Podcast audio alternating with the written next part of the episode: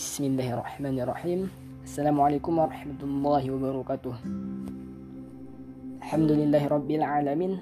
Ashhadu an la ilaha illallah wahdahu la syarika lah wa ashhadu anna Muhammadan abduhu wa rasuluh. Allahumma salli ala sayyidina Muhammad wa ala ali sayyidina Muhammad. Selamat datang di podcast Dutox. Kali ini kita akan bahas tentang pentingnya pertanyaan why. Pernahkah kalian menganalisa kenapa ada orang yang bisa dan kenapa ada orang yang nggak bisa? Kenapa ada orang yang bisa mengendalikan kuda sementara yang lain baru sadar bahwasanya kuda itu bisa dikendalikan? Pertanyaannya, kenapa hal ini bisa terjadi? Padahal kita sama-sama diciptakan oleh Allah. Kita sama-sama manusia, kita sama-sama dilebihkan dari makhluk ciptanya yang lain yaitu kelebihan akal. Maka itulah jawaban dari inilah yang harus kita pertanyakan di dalam diri kita dan inilah yang akan kita bahas. Maka dari itu kita akan membahas apa sih yang menyebabkan bisa dan tidak bisanya seseorang. Kita ambil contoh gini.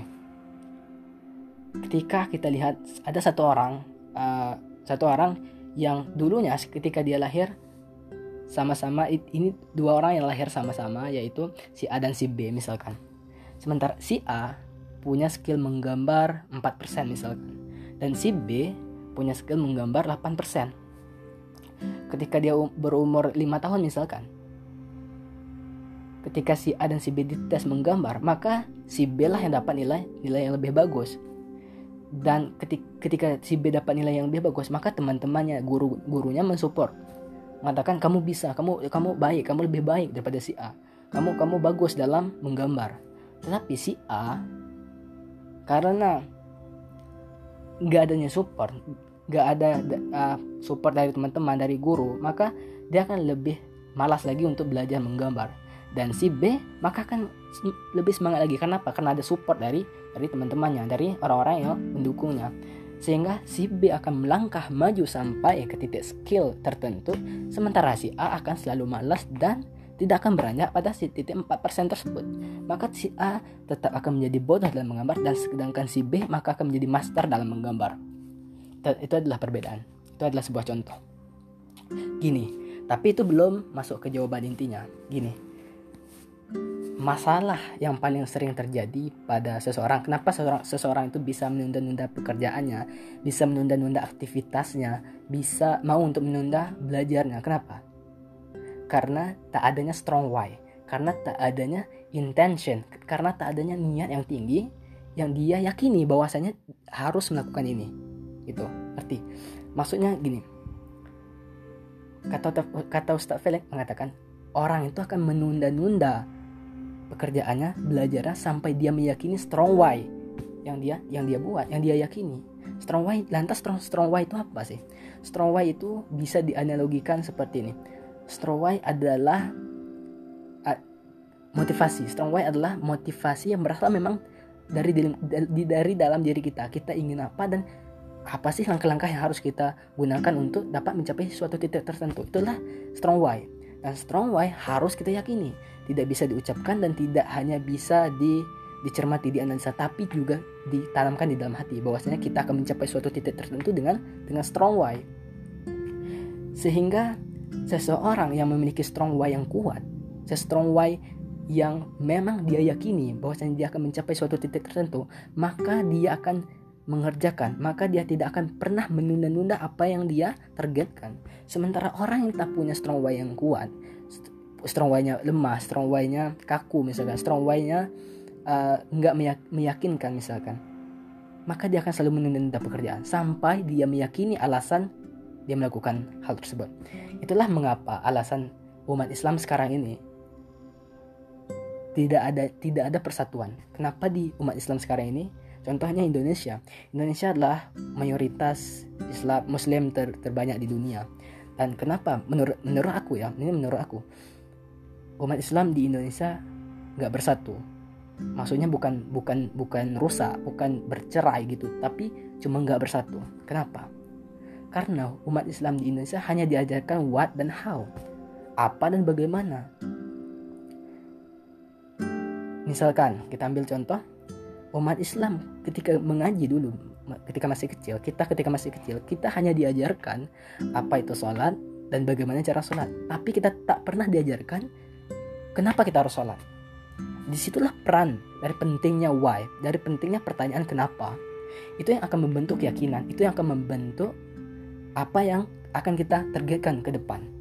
Ketika kita punya why yang kuat kita ketika kita punya jawaban dari why kenapa kita harus berbuat kenapa aku harus target ini kenapa aku harus mencapai suatu titik ini di situlah keyakinan kita muncul. Di situlah kita akan memaksimalkan apa yang kita punya untuk dapat suatu titik tertentu. Gitu. Dan umat Islam sekarang jika mereka mengetahui why kenapa misalkan kenapa dia harus sholat maka umat Islam itu akan akan bersatu akan kuat. Tapi sayangnya umat Islam hanya diajarkan sekarang ini what dan how apa dan bagaimana? Apa itu sholat dan bagaimana cara sholat tapi tidak pernah diajarkan kenapa sih kita harus sholat kenapa kenapa sih kita harus zakat?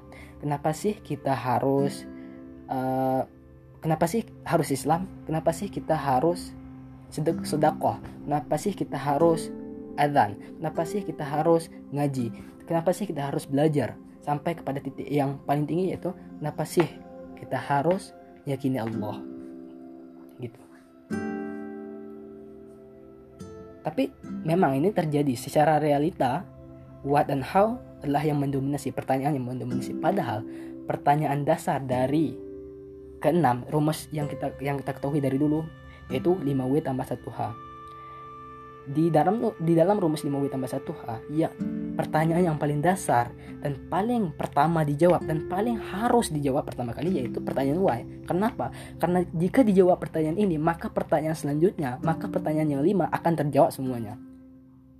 Ada seseorang yang bertanya kepada Ustaz Felix, Ustaz, aku mau berdakwah, tapi aku nggak tahu dari mana aku bisa mulai berdakwah.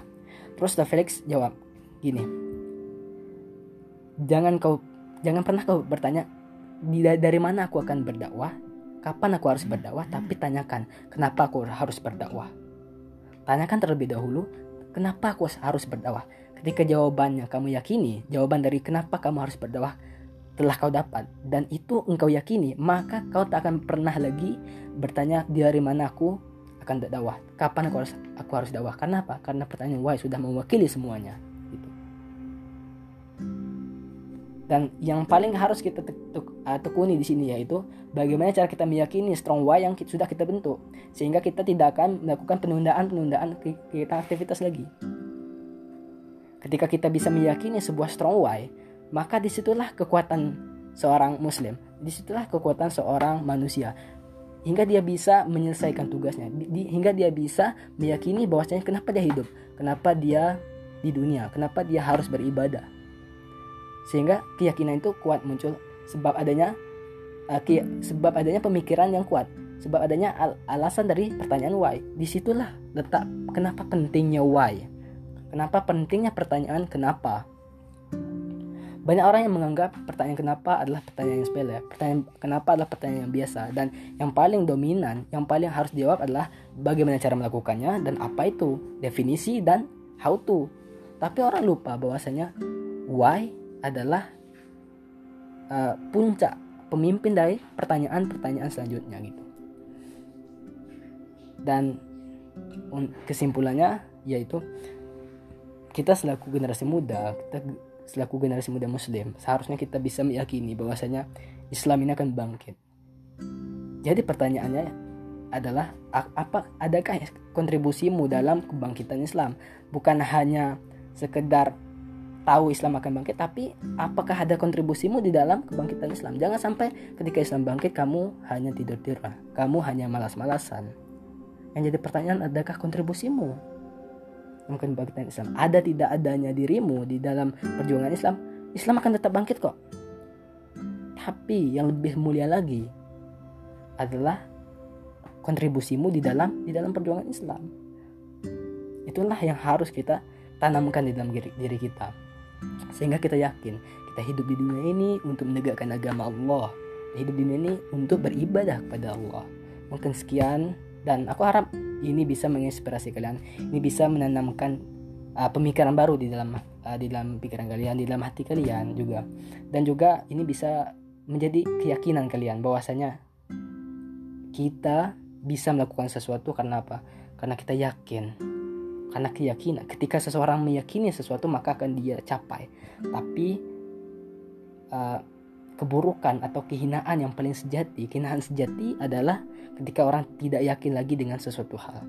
Puncak dari keyakinan adalah meyakini Allah Subhanahu wa taala sebagai satu-satunya pelindung kita, satu-satunya penolong kita, satu-satunya yang menyayangi kita, satu-satunya yang merawat kita. Itulah puncak dari keyakinan. Uh, aku Adifa, wassalamualaikum warahmatullahi wabarakatuh.